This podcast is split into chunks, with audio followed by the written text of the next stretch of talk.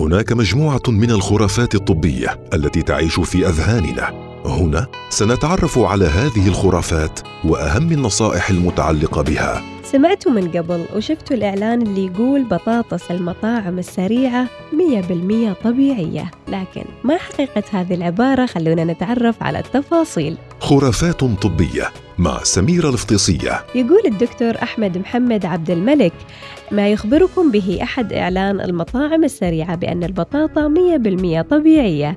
لكن إذا دخلنا الموقع الإلكتروني لأشهر هذه المطاعم وقرأنا طريقة تحضير البطاطا سنجد التالي. بطاطا طبيعية تزرع بالمزرعة تقطف تغسل تقشر تقطع تجفف وتنقع في محلول من الدكستروز السكري لإعطائها غطاء ذهبيا جذابا.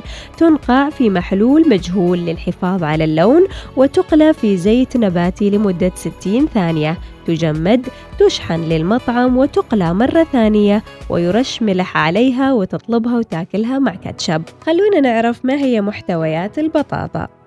بطاطا زيت الكانولا زيت الصويا المهدرج زيت دوار الشمس زيت الذرة منكهات صناعية دكستروز ملح أحماض فوسفات الصوديوم حمض الستريك صوديوم نكهات بقرية وغيرها من هذه النكهات هذا اللي ما يخبرونا به مطاعم الوجبات السريعة اللي يدعي أن البطاطا 100% طبيعية وهل تعلم أن البطاطا تقلى مرتين؟ علبة البطاطا الكبيرة فيها دهون مشبعة تعادل 40% من احتياجك اليومي.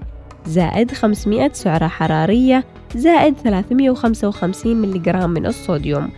يعني ذلك أنك إذا أكلت علبة بطاطا كبيرة فإنك تحتاج إلى 140 دقيقة مشي أو 75 دقيقة من ممارسة رياضة الدراجة الهوائية لتحرق السعرات الحرارية التي حصلت عليها من البطاطا. أتمنى أنكم تكونوا عرفتوا الآن أن الشركات تتلاعب بالكلمات أو المصطلحات لخداع المستهلك وتضليله حتى يشتري منتجاتهم الخلاصة تقول أن البطاطا التي تحضرها طازجة في بيتك عبارة عن عنصر واحد وهو البطاطا بينما بطاطا المطاعم السريعة عبارة عن 18 مركب بجانب البطاطا والآن هل تعتقدون أن بطاطا المطاعم السريعة طبيعية 100%؟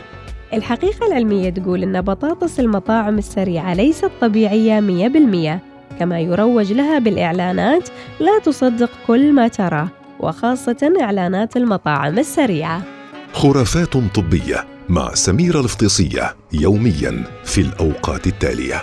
الواحده وعشرين دقيقة الخامسة وأربعين دقيقة السابعة وأربعين دقيقة.